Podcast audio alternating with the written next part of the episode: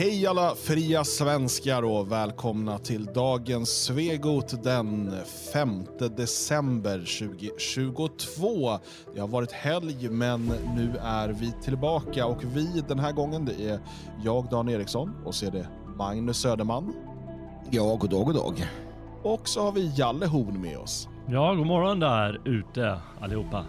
Eh, och eh, efter eh, att jag har, jag vet inte, slöat till lite så har jag nu äntligen fått upp senaste avsnittet av På gamla och nya stigar om August Strindberg och Hemsöborna och så vidare. Och det här finns nu med dig Jalle och Robin Holmgren att lyssna på här på svegot.se. Mm, härligt. Kan också säga att vårt program om Kung Lear och eh, Tristan och Isolde, de är på gång också. Allting har blivit lite försenat, men eh, det kommer. Det kommer. Härligt, eh, det ser vi fram emot. Jag ska säga också att eh, du som är medlem i det fria Sverige och lyssnar på det här, missa inte att vi har ett digitalt medlemsmöte nästa måndag, alltså den 12 december 20.00. Du går in på friasvenskar.se och sen så hittar du det under kommande evenemang Eh, och där finns all information om hur du deltar. Eh, hur har helgen varit för er grappar? Ja, för egen del så ja, jag har fortfarande tagit det lite lugnt. Jag var ju sjuk förra veckan, men det har blivit mycket bättre. Jag har däremot ägnat mig en hel del åt att um, arbeta med uh, mitt hem, det vill säga att göra lite julfint. Dels så chanserar ju mycket när man är sjuk. Det blir inte gjort som man, man, man håller inte ordning egentligen. Um, så att man får ta tur med det. Men sen också då har jag köpt eh, lite ljus eh, eh, attiraljer som jular mitt hem ordentligt, vilket har varit trevligt. Så att, eh, det är väl det jag ägnat mig åt. Var i Karlsborg en sväng också och tittade på julmarknaden där. Eh, kan varmt rekommenderas. Alltså julmarknader. Mm. Ditt hem kan också julmarknaden rekommenderas. Mitt hem kan utan tvekan rekommenderas till, till var och en, när och fjärran, främling, farit. Kommen till om, knacka dörr. Nej, helst inte va, utan eh, passera mitt hem och, och gå vidare någonstans. Så, eh, jag kan vinka från fönstret.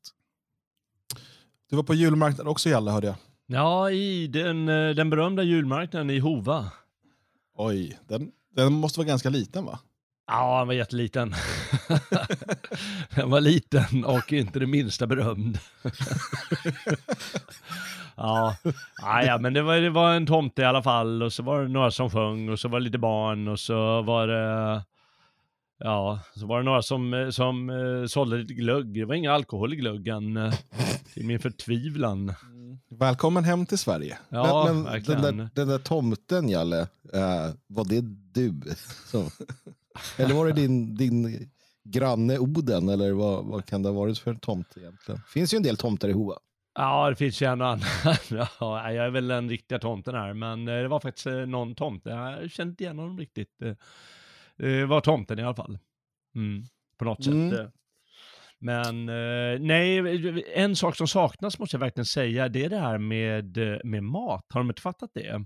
Att när man går på julmarknaden, då vill man kunna käka en så här korv eller, eh, ja, det behöver ju inte vara att de kan eh, eh, sälja glühwein och så med eh, alkohol eller så, men de kan väl ha lite sådana varma grejer som man kan inmundiga.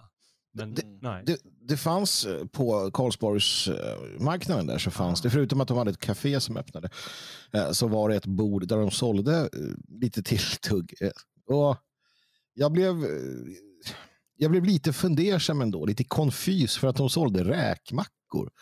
Um, och, och visst, alltså, vi svenskar, eh, vi älskar räkmackor. Så är det ju Mm. bara. Jag, jag, för mig så är det en sån här Ja, det är ju fantastiskt. Men när jag går på julmarknad, du vet, man har, det är mycket folk, det är stökigt, man har handskar och vantar, för det är lite kallt i de här valven där under fästningen. Så en, en, en räksmörgås inplastad med ett berg av, av räkor som vilar på en bädd av majonnäs.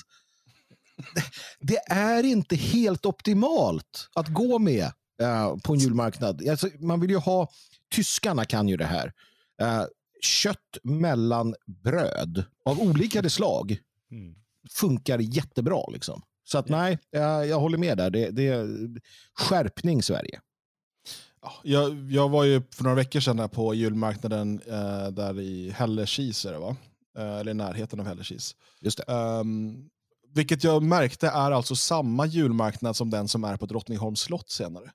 Ja, alltså det är ju samma personer. Som, det är egentligen samma julmarknad som i, alltså de stora julmarknaderna i hela Sverige. Det är samma, alla. Ja, Mm. precis. Ja. De, de åker runt slottsmässor eller slottsmarknader, vad de kallar sig. Ehm, nej, men då, eh, och och det, där fanns det ju en hel del att äta, eh, både, både bra och dåligt. Men man, ja, jag, jag håller med om att tyskarna, men de är ju, alltså deras julmarknader är ju, de är ju berömda för sina julmarknader av en anledning.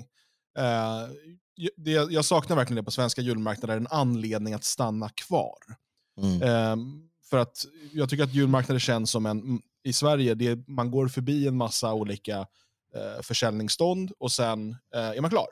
Det är liksom det. Man, finns det något att köpa? Bla, bla, bla, bla, bla. Kanske att det finns någonting att dricka eller äta, men inte mycket. Men det, min upplevelse av julmarknader i Tyskland var att de var gjorda för att du skulle vara där under lång tid. Um, på, på ett annat sätt. Um, så att jag vet inte om det bara är... Jag tycker svenska, liksom, det är samma med den här riddarveckan i Hova. Jag tycker den också, visst där, där finns ett program åtminstone så det händer saker, som man med barn, är det bra väder så blir man kvar av det.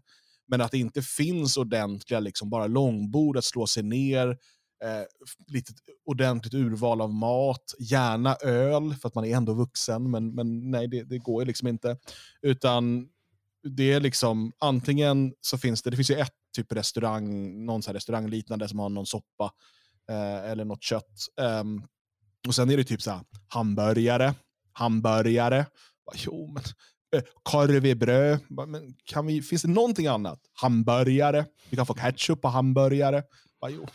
Jag tycker det där är lite tråkigt alltså. Jag, hade, jag vet inte, men det är väl en, det är väl, vi har inte den kulturen. riktigt. Du eh, får ju, alltså först och främst, det du vill säga hela tiden är ju alkohol. Jag hör ju det. Du säger det bara inte till sist Ja, men en, en anledning att stanna kvar. Ja, alkohol, det är det du är ute efter. Musik och alkohol, det, det förstår vi ju. Och det, det är helt sant. Det är ju så tyskarna fångar människor genom att ge dem rusdryck och eh, liksom underhållning.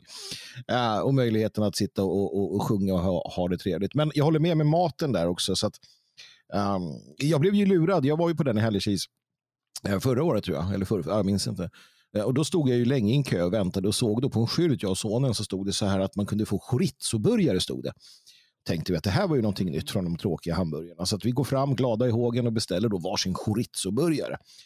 Eh, och får en dubbelburgare. Jag bara, men vad är det här? Ja, det är en chorizo-burgare. Jag bara, nej, det här är ju en dubbelburgare. Det är ju en helt vanlig jävla hamburgare fast jag har lagt på två köttbitar. Vad är chorizon? Varför? Ja, eh, men det, jag fick ju inget svar och det var ju lång kö. Grundlu... Jag trodde det skulle vara så en stor präktig bit chorizo eller någonting. Nej då, det var en vanlig skäms du hamburgarmånglare. Skäms, säger jag. Det kan bero på att du hela tiden inte visste hur man uttalar chorizo. Eh, och att det är därför du fick något helt annat. Eh, men hörni, är det här någon jäkla mat och ölpodd eller? Det borde vara det. Och en revygrupp. Ja, okej. Men, men vi har ju faktiskt eh, andra saker vi ville prata med er, eh, kära lyssnare och stödprenumeranter, om idag. Eh, och eh, ja, Det är så här, när vi inte har fått prata på hela helgen, då har vi massor av saker att liksom prata om. Jag har inte ens berättat om min helg. Den innehöll allt ifrån liksom helikopterturer till eh, Laserdoom, jag vet inte, allt möjligt. ja, mest var vi hemma och var sjuka, men, men ja, vi, vi tar det någon annan gång. För vi ska nämligen prata om den nya regeringen eh, och dess invandringspolitik och vad som ska genomföras, vad som kan genomföras eh, och reaktioner på det och eh, ja, överhuvudtaget om vi har något förtroende för att den här regeringen ska klara av eh, egentligen någonting. Alltså går, går det att ha något som helst förtroende för de här människorna som idag sitter i regering. Låt oss börja med eh, migrationsminister Maria Malmer Stenegard, eh, moderat, eh, som eh, pratar eh, om, om det här med utvisning av illegala invandrare, eller som det heter på vänsterspråk, papperslösa. Och eh, Hon säger i en intervju med Expressen att eh, samtliga som vistas i Sverige illegalt ska utvisas. Eh, det finns någon siffra som florerar om att det här skulle röra sig om runt 100 000 personer. Jag skulle tippa på att den är större än så, men eh, det är den som, som experterna eh, har kommit fram till och eh, trust the science. så att eh, 100 000 personer ungefär. Eh, här säger då också då Stenegard att det här inte är realistiskt. Att vi kommer lyckas med det. Rolig inställning. Hon säger, är den realistisk? Kanske inte. Men jag tänker inte nöja mig med det omfattande skuggsamhälle som vi har nu. Och Hon går eh, in på det här också i en intervju med Svenska Dagbladet från eh, tidigare i år, i november, där hon menar att man gör det här om omsorg av de här stackars illegala invandrarna som utnyttjas i Sverige. Så det verkar vara det som är fokuset, inte liksom svenskarna, som vanligt. Uh, alla som uh, uppehåller sig illegalt i Sverige ska utvisas. Uh, det är, låter väl super det här va? Ja, jag tycker att det är en jättebra idé. Uh, fler därtill kan jag säga också. Jag borde följa med. Men det, det är ju ord som till inte förpliktigar. Det är ju det stora problemet hon säger ju som du, som du påpekar i, i samma andetag att ja, det här kommer inte gå att göra. Eh, så att, så att det, det, blir ju så dumt. För att man, man, måste ju då säga så här att ja, men vi ska utvisa alla de här människorna. Eh, vi kommer lyckas med det. Eh, precis som inför ett, eh, om en, en idrottsman ska liksom utföra någon bragd så, så, fokuserar han ju och tänker att jag ska klara det här. Det är ju själva grunden går man in i någonting med idén om att det här kommer inte gå, ja då kommer det inte gå. Så att man har ju redan kapitulerat. Men äh, det måste man göra. Sen måste man ju då skapa förutsättningarna för att det ska fungera, för att det ska gå. Äh, och, och, då har man så här, ja, eh, anmälningsplikt för offentligt anställda, det är ett viktigt verktyg. Eh, det är ett verktyg, men viktigt. Menade man allvar Menade man på fullaste allvar allvar med att det här ska göras, då hade det ju låtit helt annorlunda. Det här är ju en kapitulation inför en, en, en, en eh, strömning i samhället att kasta lite ben till Sverigedemokraterna och väljarna. Och, och, och, så någonstans vet man lite trött att det här kommer ju inte bli så här ändå. Men ah, vi, vi, vi försöker lite grann halvhjärtat och jag vet inte, vill hon ens detta? Det är ju också en fråga, vi ska ju titta lite på vad Strömmer säger där sen. Men jag, jag vet liksom inte. Kan man lita på dem? Jalle, vad säger du? Eh, antagligen inte. Jag tycker att fräckheten är enorm. Varför säger hon inte, som du sa, lite klar, talar hon inte klarspråk och säger att ja, men de som inte följer den här uppmaningen, de som jobbar med myndigheter och allt vad det är, ja, de får sparken. För det är mm. deras uppgift. Men det gör hon förstås inte, utan som du säger så, så backar hon i, i samma andetag. Hon hinner knappt eh, pusta ut förrän hon är tvungen att, att tänka om. Och det är, ja, det, det är ju bra att hon säger att det finns ett omfattande skuggsamhälle och att det, det, det kan man inte vara nöjd med, men eh, det betyder ju ja, noll och intet om, om hon har den här inställningen. Mm. Ja, och eh, det här att, att säga att vi, ja, det här är inte är realistiskt då. Jag menar, det finns ju fler verktyg man hade kunnat ta till. Eh, låt oss till exempel ha eh, oannonserade aktionsdagar där eh, massor av resurser sätts in eh, i utvalda områden. Och då, då, får man skrika om rasprofilering hur mycket man vill, men eh, en dag där man går in i, eh, ser man väljer ut en 30 sådana här utsatta områden eh, och bara massor av eh, poliser som går runt och kontrollerar papper och legitimation på folk. Mm. Eh, du kommer inte hitta alla, men du kommer skicka en tydlig signal och du kommer hitta en del av dem. Eh, och Människor som uppehåller sig illegalt i Sverige ska veta att vilken dag som helst kan det stå 300 poliser i min förort och kontrollera allas papper. Mm. Jag, jag, alltså, och, och det är inte ett samhälle vi vill ha i slutändan. Men den situation vi har nu kräver den typen av insatser. Och eh, det, Gör eh, razzior eller liksom, eh, besök hos pizzerior, ett bra tips. Eh, städfirmor. Eh, andra sådana här där vi vet att illegala invandrare får jobb. Eh, och kontrollera papper på alla.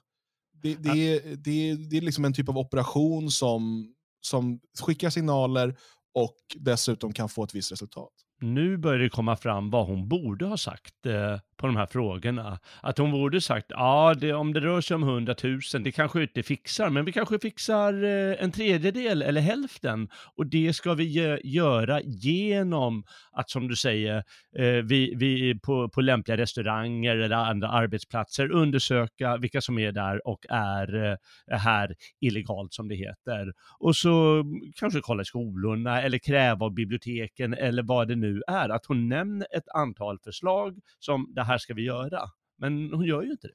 Nej, och sen, eh, sen är det ju ett, ett, eh, ett annat bekymmer som vi lika gärna kan koppla på det här tåget direkt. Det är ju att eh, hon, jag vet inte om hon är medveten om det eller inte, men, men det finns ju väldigt många, för många svenskar som vill ha det rakt motsatta. Eh, det finns väldigt många svenskar som vill ha den politik som har varit, som vill ha mångkultur, massinvandring och som inte ser något problem med, med folkutbytet.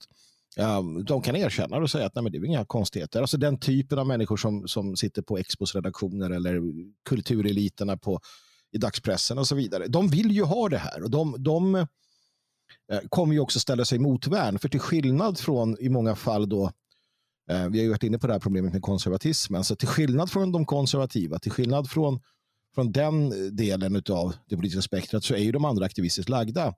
Och de, de är inte sämre än att de kommer att obstruera. Så att återigen, som, som du säger det, Jalle, eh, ministern här borde ju också då vara väldigt tydlig med att säga att alla försök till obstruktion från ett skuggsamhälle politiska tjänstemän, aktivister kommer att slås ner mot rejält. Vi accepterar inte att man inte lyder order från regeringen. Vi accepterar inte att man så att säga eh, ja, kastar grus i maskineriet. Utan det kommer utan tvekan att, att eh, följas upp på olika nivåer och eh, aktivistpersoner inom myndigheter kommer att sparkas minst sagt, men också kanske ställas till personligt ansvar då inom rättsväsendets ramar om det finns sådana möjligheter. Det är att mena allvar.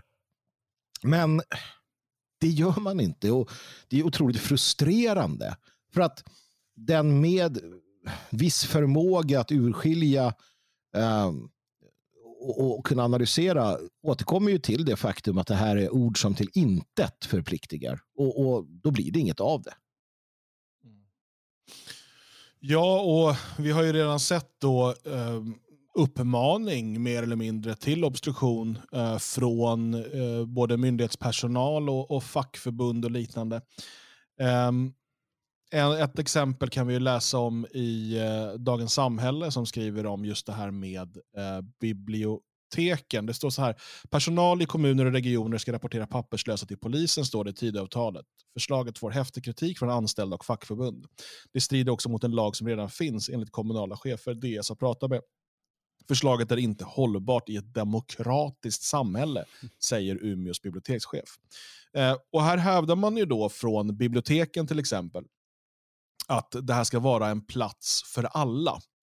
Eh, och därför kan inte det ligga på dem att då rapportera eh, huruvida illegala invandrare befinner sig på biblioteket eller är där och försöker låna böcker. Eh, jag är lite osäker nu. Eh, det kan vara så att det inte är olagligt att vara illegal invandrare i Sverige. Hänger ni med vad jag menar? Att du kan inte bli dömd mm. för att det är illegalt. Men då bör den lagen ändras omgående. Mm. Eh, sen är det, det du döms till utvisning på livstid och du får aldrig återkomma. Du behöver inte sättas i fängelse i Sverige för det kostar bara pengar. Men det bör göras kriminellt om det inte redan är det. Eh, det låter kanske konstigt, men, men alltså, lagstiftningen kanske ser ut så. För eh, det kan ju inte vara så att man menar att det här är en plats för alla. Så om du ser ett barn våldtas på biblioteket, då ska inte du anmäla det till polisen. För det begås ju ett brott. Om, det, om en person upp, uppehåller sig illegalt i Sverige och är på ditt bibliotek, om inte det redan är ett brott så bör det vara ett brott. Eh, och därmed bör du också ha en plikt att anmäla det. Man kan inte använda argumentet att, att liksom, nej, men vi ska, alla ska känna sig välkomna. Jo, men det här är ju en kriminell person. Återigen, är det inte kriminellt så bör det bli kriminellt. Det bör vara bland det första regeringen gör för att få fler verktyg mot illegala invandrare. Jo, men det, det, är, det är självklart. Och du får inte vistas i ett land utan, utan att eh, har rätt till det. Det är olagligt. Det, det, så är det. Jag vet inte, är det olagligt? Jo, men det, det, det är det. Alltså, det, är ju, det, är ju, så att säga, det är därför man hävdar att ingen människa är illegal. Det är ju för att man säger att de är illegala. Ja, men kan du bli dömd för illegal invandring? Det kan du ju inte. Nej, men du blir utvisad och du blir för- förvarstagen och du blir... eh, Ja, men det är därför det kanske vis- inte är, det här är ju hårklyverier kanske det låter som, men juridiskt är sånt här superviktigt ju. Jo, jo. Eh, huruvida det, har du begått ett brott eller är det bara att du blir utvisad för att du inte har rätt att... Alltså det, det är två olika saker. Om det är så att det inte är ett brott, eh, som du då kan få liksom, straffregister för, eh, att vara illegalt i Sverige, så bör det omgående bli det.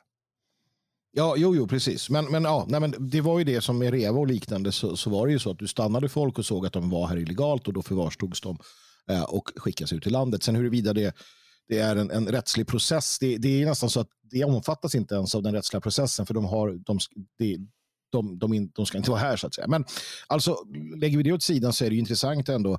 Återigen, eh, hur pass, på, på vilket allvar tar man detta? eh, från regeringens sida och från myndigheternas sida. Eh, Borås bibliotekschef Olof Berger Kleber säger, jag utgår från bibliotekslagen, som jag tolkar den kan vi inte ange personer. Varför är inte han sparkad? Ja, Varför det har man är inte väl sparkat eh, honom? olagligt i Sverige för det skulle vara myndighetsstyrning va? Eller Ja, ja, minister, ministerstyre. Mm. Varför har han inte liksom ifrågasatts? Samma sak Umos bibliotekschef Helena Karlström eh, kräver då att eh, plikten måste, bibliotek måste undantas. Här, här är fokus på biblioteken. För, för att i bibliotekslagen står det då eh, citat, biblioteksverksamhet ska finnas tillgänglig för alla, slut citat. Det, det är det man nu kommer luta sig mot. För varenda bibliotekschef, ja, inte varenda, men ja, jag, jag målar med bred pensel. Varenda bibliotekschef är en aktivist. Varenda bibliotekarie är en aktivist. Det här är människor som har sin vänstervridning, som har sin liberala vänsterläggning, som ser till att, att eh, rätt, inom citationstecken, böcker pl- placeras i biblioteket. Det är människorna som vill ha transor som ska läsa sagor för barn som kallar sig horor och allt vad de nu kallar sig för. Shameless och suputkärringar och vad det nu var för någonting. Um, de människorna kommer nu obstruera, sätta sig i motvärn eh, och vägra utföra eh, eventuella då order som kommer från, eh, från myndigheterna de är anställda utav. Eller då kommuner eller vad det är. Eh, här måste man förstå ordens betydelse. Återigen, om inte eh, Tidöavtalspartierna får sina lokala företrädare, till exempel i Töreboda kommun, Moderaterna eller liknande, att, att eh, säga att här ska det lyda, här ska vi, här ska liksom svenska, att, att, om man inte fortplantar debatten och går ner på, på kommunnivå, även om man inte styr kommunen, ehm, så, så måste man brett få politiska företrädare att säga att det ska åtlydas. Gör man inte det, då kommer Kleber undan. Då kommer det bara fortsätta. Um, och Det är ditåt vi, vi vandrar naturligtvis. Det, det är ju vad jag ser.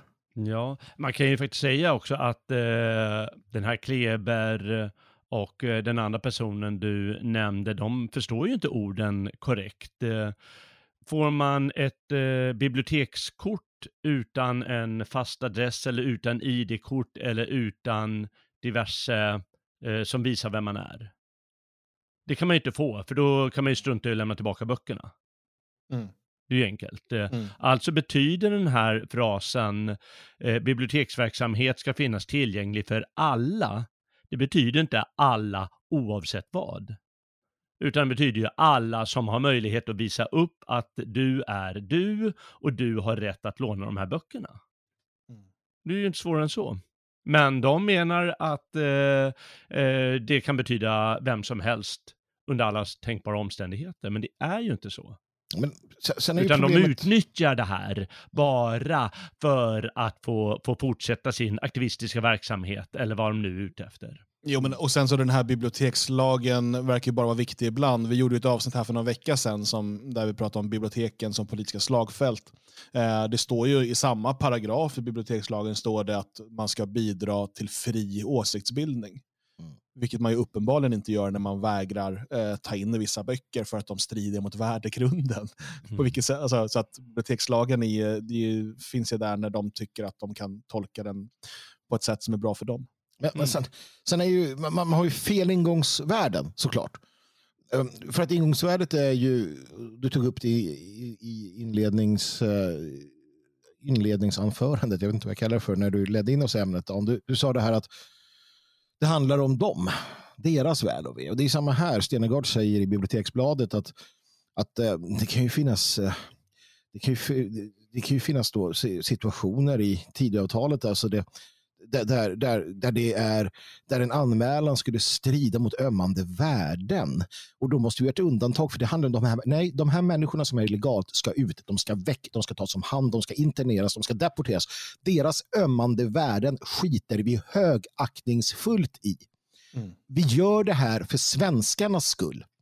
Det är för svenskarnas väl, för nationens väl och i förlängningen Europas väl som vi ska göra detta. Några ömmande värden. Nej, det är här det blir fel. Du kan inte mota denna Olle i grind. Du kan inte sätta ner foten. Du kan inte göra en omelett utan att knäcka ägg. Och Det betyder att om du ska göra det här på ett sätt som inte kränker deras ömmande värden så kan det inte bli gjort. För då är det någon som tar fram sin unge och säger titta här på lilla Ahmed. Titta på hans stora bruna ögon. Hur ska vi kunna ut? Då krävs det att man säger, ja men vet du vad, vi ska utvisa Ahmed och dig så att han får följa med mamsen. Alltså det krävs att förhärda sitt hjärta. De har skapat en situation där vi måste säga sänk en flyktingbåt på Medelhavet, förhärda ditt hjärta. Gör vi det en gång så är det löst sen. Två, vi måste gå in och göra det vi måste göra i Sverige för att få bort de här eh, som vistas illegalt. Det kanske gör ont, det är jobbigt för poliserna, de blir jätteledsna. Ja, men då kan vi ge dem gratis psyksamtal efteråt. Men det måste göras för vår skull. Allt det här sker för vår skull. Mm. Inte för deras skull. Ingångsvärdet är fel och det är också en orsak till att de aldrig kommer komma åt det. För det låter likadant från SD. Varför finns SD? Om de själva får berätta. Jo, för att det är synd om alla invandrare som har hamnat i utanförskap. Därför finns SD. Ja, och jag tror att det till stor del bara är retorik från deras sida, men problemet med, med den typen av retorik eh, är ju att eh, den attraherar människor som attraheras av den retoriken ja. eh, och som sen kommer in i partiet och plötsligt blir retoriken också politik. Precis. Jag tycker att man, eh, ganska bra sagt det här, för vad va Helena Karlström och eh, de i så fall bör ägna sig åt, eh, och det är ju ett fint ord, det är civil olydnad. Ja, men det är ju helt okej. Okay. Ja, nej men hon anmäler inte. För hon, är mm. hon eh, idkar civil olydnad. Varsågod och gör det. Men om hon blir påkommen, ja då måste hon, som, som sa förut, hon måste få sparken då. Och det är så det måste se ut. Hon håller ju på med, inte myndighetsutövning, men hon jobbar på en myndighet. Eh, eh och eh, de har vissa, vissa stadgar så de måste följa. Och eh, då väljer hon att, ja men utifrån mitt hjärta som du talade här, utifrån Ahmeds bruna ögon väljer jag att strunta i det. Och då gör jag inte mitt jobb, alltså blir jag uppkallad och någon säger, nej men du, du kan tyvärr inte jobba här för du klarar inte av att göra ditt jobb. Du valde att följa ditt hjärta istället. Och det, då har vi ett bra samhälle. Mm. Ja, absolut. Nej, och jag, jag är den första att, eh, jag är den första att, att eh, ställa mig bakom alla former av civil olydnad och, och eh, den, den aktivist. Jag gillar, jag gillar det aktivistiska. Ett samhälle bör klara av och tolerera och, och uppskatta aktivister från olika håll och kanter som, som följer liksom de, de principerna som civil olydnad ändå ändå bottnas, bottnar i. Och att man tar personligt ansvar. Det, det är helt okej okay och det, det är det som är problemet. De här människorna har ju sett till, till exempel socialdemokratin då, som avvecklar eh, ja, tillsammans då med övriga partier naturligtvis avvecklade själva idén om tjänstemannaansvaret. Det var ju för att, eh, för att kunna lägga grund för eh, sina egna politiska aktivister som skulle kunna använda myndigheter för, ja, som, som språngbräda och aldrig egentligen drabbas eh, negativt av det själva. Eh, det och korruption och lite annat sådär. Men, men det, är, det är grunden som finns. Och ja, jag, jag, jag är helt för um, att människor ska uh, aktivista. Men som, som du säger, alla, det är konsekvenserna som måste tas också. Det finns Eh, ju så en, en parallell debatt till det här eh, som jag tycker är ganska lätt att jämföra med och det är ju debatten om samvetsfrihet för barnmorskor. Mm. Eh, för där är ju, jag, skulle, jag är rätt säker på att de här bibliotekscheferna är helt emot samvetsfrihet för barnmorskor. Alltså eh, det här, i Sverige har vi ju det absurda systemet i att du får inte vara barnmorska om du inte också vill genomföra aborter. Du kan inte bara säga att Nej, men jag vill vara här och, och liksom, hjälpa till vid födsel och allt, allt som hör där till utan du måste genomföra aborter. Det här har ju, har ju prövats i Sverige. Eh, och där är ju vänstern och liberaler, alla är väldigt tydliga med att nej, du måste genomföra aborter, även om det går emot din egen övertygelse, din egen tro, eh, din egen moral och så vidare. Du måste genomföra aborter. Det är överordnat allting annat. Du kan vara barnmorska och inte eh, genomföra födslar. Men du får inte vara barnmorska och inte genomföra aborter. Eh, för det, och då pratar man om samvetsfrihet och det finns i, i stort sett alla andra länder. Eh, där har du rätt att då välja bort den här biten. Men samtidigt tycker de här människorna att nej, men det går emot mitt hjärta att, att rapportera olagliga, alltså kriminella människor på biblioteket och därför ska jag inte behöva göra det. Eh, för det, då är det farligt för demokratin. Ehm, så att eh, återigen, vi får aldrig lyssna eller titta på vänstern och liberaler och, och de här människorna och utgå ifrån en logik eller att de liksom tänker och resonerar så som vi gör. Utan de är alltid aktivister. De ser allt som en del av ett, ett krig. Eh, och därmed, när vi försöker se på det med logik, så men det här går inte ihop med det ena går inte ihop med det andra. Nej, nej, det spelar ingen roll. Det handlar för dem om att vinna, inte om att eh, göra det på rätt sätt. Mm. Eh, och, och du ser här också, nu, nu ska vi inte ta någon större, uh, större diskussion om det, men fackförbunden har ju blivit frågade av, av Dagens Samhälle vad de tycker om den här anmälningsplikten. Och de är ju överens, Läkarförbundet, Skolfacken, Akademikerförbundet, Vårdförbundet. Alla fackförbund är överens om att eh, så kan vi inte ha det. Just vår, vår, vårt verksamhetsområde måste undantas.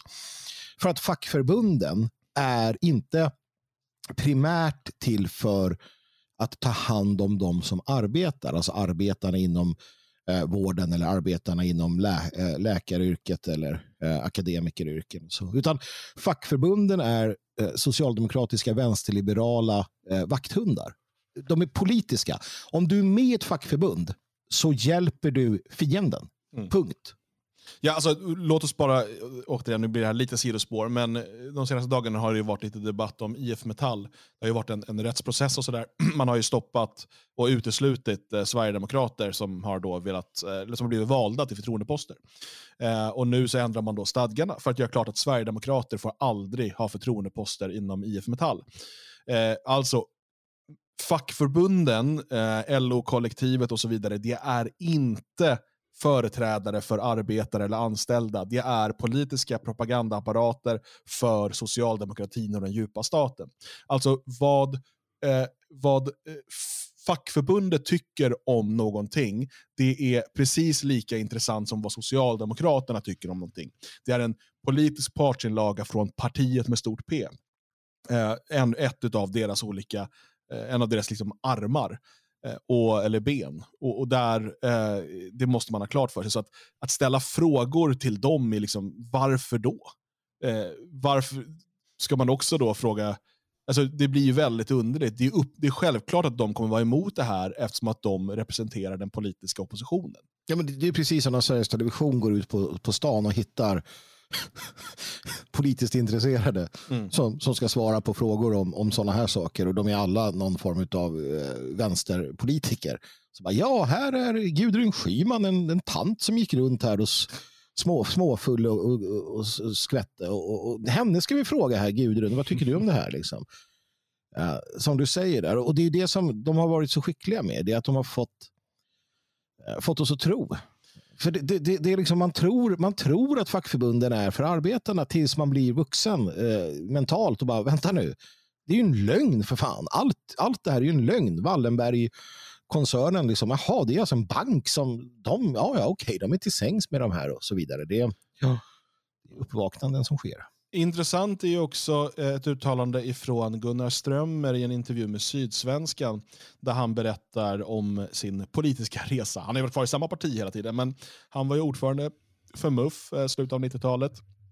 Eh, och precis som Ulf Kristersson på 90-talet så var han en av de stora förespråkarna för fri invandring eller nästintill fri invandring. Och han säger nu att han har ändrat uppfattning. Och citatet är så här. Man får konstatera 23 år senare att en generös invandringspolitik i kombination med väldigt illa fungerande integration inte varit särskilt lyckosam. Det måste man dra slutsatser av. Han menar också att eh, han tror att partiet hade valt en liknande politisk väg som han gjort nu, även om Fredrik Reinfeldt varit partiledare idag.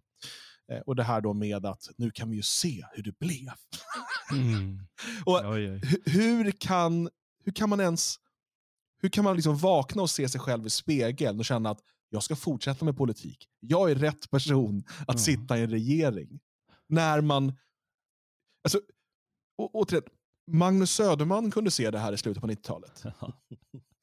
Säger han Magnus, skolavhopparen Söderman kunde se det. Ja. Men MUF-ordföranden hade ingen aning. Nej. Hur skulle vi kunna veta att, att eh, massiv invandring från tredje världen skulle leda till någon typ av problem för Sverige? Mm. Kan, kan det vara så att eh, Gunnar Strömmer är och alltid har varit en opportunist? Ja, det, det verkar nästan så. Ja. Jag är benägen att svara ja på den frågan, Jalle. Jag Ja. ställer mig din ringhörna direkt. Och det sorgliga är ju att han inte är ensam i svensk politik om att vara det. Och alltid har varit det. Nej, men, det sjuka med eh, den moderna demokratin eh, och så som, så som hela partiväsendet är utformat och så vidare, det är att du gör ju karriär eh, och lyckas i detta system genom att slicka uppåt eh, och genom att liksom vara opportunist. Det är de sakerna som gör att du liksom kommer framåt. Gärna lite vassa armbågar och liksom hugga dina vänner i ryggen och sådär också om det behövs för att klättra. Men så ser många karriärstegar ut numera. Eh, men för att om det var det här man behövde säga för att få rösterna i MUF 1998, alltså prata om hur liberal och, och fin man var när det gällde invandringspolitiken, det var det som var liksom inne i MUF då. Eh, då sa han det. Men Mm. om du behöver säga att vi behöver strama åt invandringen för att få röster i riksdagsvalet 2022, ja då säger han det. För att det hela är ju en typ av popularitetstävling. Och då gäller det att liksom känna efter, vad är det folk vill att jag säger? Och så säger jag det. Och det är så du vinner politiska val. Inte genom att ha, ha de största och mest liksom, genomtänkta visionerna, inte genom att eh, liksom, fått en budget som du vet går ihop och kan presentera den. Det är irrelevant. Utan du ska veta hur du säljer in dig själv genom att säga det som du tror att de flesta vill höra. Det är därför man håller på med det man kallar för triangulering. Det är därför man har fokusgrupper. Så att innan man lägger ett, eh, gör ett utspel så samlar man en fokusgrupp och ser hur kommer det här tas emot. Ska vi, ska vi gå ut med det här eller inte? Men först ska vi se hur folk, kom, hur folk verkar reagera på det. Och, och så gör man sådär in absurdum. Och så blir det... Eh, eh, Det här är ju liksom hela det här politiska spelet och varför det här systemet för fram de minst lämpade till politiska maktpositioner. Ja, vilken, vilken soppa. Det, det, det, det, blir ju det blir nästan abstrakt. Ja, det här för att det, det, ansvaret vilar ju tungt på våra axlar. Eh, och våra inom, liksom, med bred pensel då, det, det, svenska folket. För att det är ju i grund och botten också vi som någonstans säger, nej men det här är okej. Vi, vi, vi, vi tar det här, vi köper det här. Um, och, och det är ju så det här får fortgå. Hela den här, eh, hela den här eh, liksom charaden. Magdalena Andersson då, som, som byter fot så fort hon hamnar i opposition. Uh, och, och, och det här att de ljuger oss rakt upp i ansiktet och så vidare. Och jag tycker man kan ta fasta på detta och det är väl det som vi kanske ska ta med oss ut när vi pratar med, med nära och kära och vänner utanför den här kretsen vi befinner oss i nu. Det vill säga ni kära lyssnare. Ja, och, och bara liksom slå, slå lite, så få människor att fundera, försök få människor att fundera på varför man går med på det hela tiden. Få dem att tänka på att ja, men här är ju en person då som, som har haft ledande positioner inom eh, svensk politik under många år som säger att Nej, men jag, hade, jag, jag fattade inte det här. Ja, och jag menar, vi hade en statsminister som stod och bara vi har varit naiva. Ja, och så här, nej, Nej, det, det, det är ju inte sant. Du, du, det, och så vidare. Alltså att man, att man, vi måste jobba mer på det. Beslå dem med de lögner de kommer med och få människor att förstå att eh, någonstans har de varit väldigt medvetna om vad de gör. Och tar, du, tar du Reinfeldt som man tar ut som exempel så är det ganska tydligt att hans mål var att slå sönder det svenska samhället eh, med eh, massinvandring. Det var ju en, ut, i princip en uttalad politik som han har stått för hela sitt liv. Och Det har ju inte undgått en sån som Ulf Kristersson som själv var för det. Um, eller andra i partiet att, att det var själva meningen. Moderaterna Eh, under lång tid haft som mål att slå sönder det svenska samhället för att därigenom införa sin eh, liksom ideologiska ehm, agenda. Det, det, det, är ju fullkomligt uppenbart. Alltså, de har ju aldrig varit konservativa på det sättet.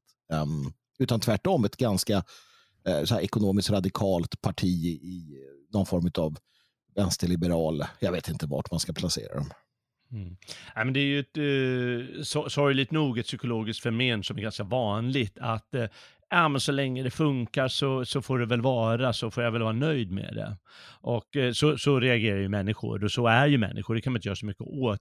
Eh, det ännu mer sorgliga är att våra politiker är ju också så, och så kanske det har varit i alla tider att eh, ja, men de rider på vågen liksom och hänger kvar eh, tills det blir en rejäl kris som på 90-talet, jaha, men då ska vi minsann dra åt svångremmen. Men tills krisen kommer, då kan man alltid hålla på som den här Strömmer gör. Jag kan säga, ja, nej, men det där, ja, men det skulle jag nog inte gjort om, det, om jag visste vad som kom. Men då skulle jag egentligen inte vara politiker, men på grund av att människor är som de är psykologiska, både de som styr och de som låter sig styras, så, så, så, så är sorgligt nog verkligheten så här. Och då får man ju vara beredd på krisen sen. Om man inte bara börjar vässa personligheten lite och inte går med på de här sakerna. Och det är ju det som är, är, problemet. Förut hade vi ju faktiskt en någorlunda, lite grann kritisk media ibland. Men nu när journalisterna också har blivit aktivister så är de ju inte kritiska på rätt sätt. Och ingen framför den här tryck, det här trycket, den här pressen på de här personerna. Det är ett väldigt stort samhällsproblem. Mm. Du säger där också Magnus att uh, det, det vilar någonstans på svenska folkets axlar och att vi väljer dem och sådär. Uh, det är ju ingen alltså, i makten som tror på det där tror jag. Och vi ska bevisa det genom eh, att berätta om Melodifestivalen. Mm, precis. Eh, som vanligt så är det lite av ett lackmustest. Alltså, eh, dels fel låt vann. Nej, men, men så här. Det var ju så att Sverige vann Eurovision 1999. Charlotte Nilsson, Take Me To Your Heaven. Mm. Charlotte Pirelli heter hon väl nu. och sen hade Sverige 10, 11, 12 år utan, utan någon vinst och det gick dåligt. Eh, och så mitten där någonstans, då började man så här, fan, vi kan inte låta svenska folket eh, välja eh, vinnare. Och då skapade man den så kallade internationella juryn. Då tog man ett antal experter då från olika länder. Som skulle, och deras röster blev då hälften och folkets röster blev hälften. Eh, och sen gick det bättre för Sverige i Eurovision. Man vann 2012 med Loreen 2015, Måns Zelmerlöw och sådär. Eh, och, och, och, sådär. Men, men det är intressant då att man kommer fram till att vi kan inte lägga makten i folkets händer att välja en låt till Eurovision, för det klarar de inte av. De är inte tillräckligt insatta i musik. Däremot, att välja politiker, det klarar de av. För där är de tillräckligt insatta. Man måste ju förstå att, att, de, alltså, att det i sig borde bara diskvalificera hela systemet. Och, och, Den typen av politiker vi får av det bör ju stå som liksom varnande exempel. För att hur kan man som Strömmer fortfarande vara politiker? I vilken annan bransch kan du ha så oerhört fel och sen bara säga ja nu så inser jag ju att, att det var fel. Alltså med det, de katastrofala resultat. Det är inte så att han hade fel i liksom, vilken sorts dukar är snyggast i marmorbord. Det är, inte, det är inte det det handlar om. Alltså, han har varit drivande i att göra Sverige till ett land som har högst antal skjutningar i eh, hela Europa. där svenskar har blivit en minoritet i massor av bostadsområden och till och med i vissa hela åldersgrupper, där svenskfientligheten löper amok, där vi har förnedringsrån, gruppvåldtäkter eh, och så vidare. Och, och, där vi har haft ett stort antal eh, mord och andra typer av brott mot den svenska ursprungsbefolkningen på grund av den politik som han har varit drivande i. Att då sitta och säga, ah, nu så här 23 år senare så ja, det var väl en dum idé. Alltså, jag, vet, jag märkte ju inga problem i Örnsköldsvik där jag växte upp, för vi hade ju inga invandrare. Alltså, det, det, är ju... Och att han då inte bara säger, alltså måste jag förstå att det här är inte är rätt jobb för mig. Jag avgår och eh, liksom hänger mig åt något som jag är bättre lämpad för. Långt ner i en saltgruva. För att, alltså, nej men det, det är så jävla fräckt att sitta och göra, fortsätta göra samma sak. Hade han varit liksom en del av den, den eh, eh, privata eh, sektorn som moderater så gärna talar så väl om, hade han drivit företag på det här sättet och eh, helt förstört företaget från insidan, gjort det bankrutt, sett till att eh, deras eh, anställda blev mördade och våldtagna. Och sen bara, jaha, ja vänta, nej vi skulle inte mördat och våldtagit våra anställda. Nu vet jag det. Ja men det är klart, vi fortsätter. Han hade ju varit sparkad för länge sedan. Han har varit sparkad, åtalad och dömd. Men i politiken, då kan man sitta där och bli justitieminister. Och, och, och så här, ja, jag hade ju fel då. Ja, det var ju synd det. Men nu fortsätter jag här eh, med mina 140 000 i månaden av skattebetalarnas pengar. Eh, och så, eh, ja, tack för rösterna. Mm. Det där eh, det hade ju fungerat eh, på ett, låt oss kalla det lämpligt sätt för några hundra år sedan. Jag menar om en adelsman, eh, han kan ju bara säga, ja men jag är adelsman. Jaha, ja, jag skiter väl i om det gick lite dåligt där, såvida han inte blir avpoliterad då av andra adelsmän. Eh, men nu är ju meningen att, som du säger, han ska jobba på meriter det är ju liksom, vi har ju någon form av idé om meritokrati. Eller att i moralisk mening, alltså samvetsmässigt, jag kan ju inte hålla på med det här eh, längre. Men de tror att de är gamla adelsmän. Och samtidigt så eh, säger de att det ändå är demokrati. Alltså det är någonting som inte funkar som det ska med hela det här politiska upplägget, det vi kallar demokrati. Och sen så eh, hänvisar de hela tiden till demokrati när de inte är demokratiskt lagda. För att vara demokratiskt lagd är ju faktiskt att Strömmer säger jag ska aldrig hålla på med politik mer. Om han hade sagt det och eh, faktiskt gjort det också, då hade han varit demokrat. Men han är inte demokrat, det ska man ha klart för sig. Där, där kommer ju också själva, eh, Eh, själva slutsatsen att eh, de, de kommer med näbbar och klor kämpa emot alla alla som på något sätt försöker reformera ens. Alltså ens reformera, inte revolutionärt, utan reformera ett system som ger dem inom, inom ramen för den, eh, den, den spelplan de har satt, så att säga, med de reglerna.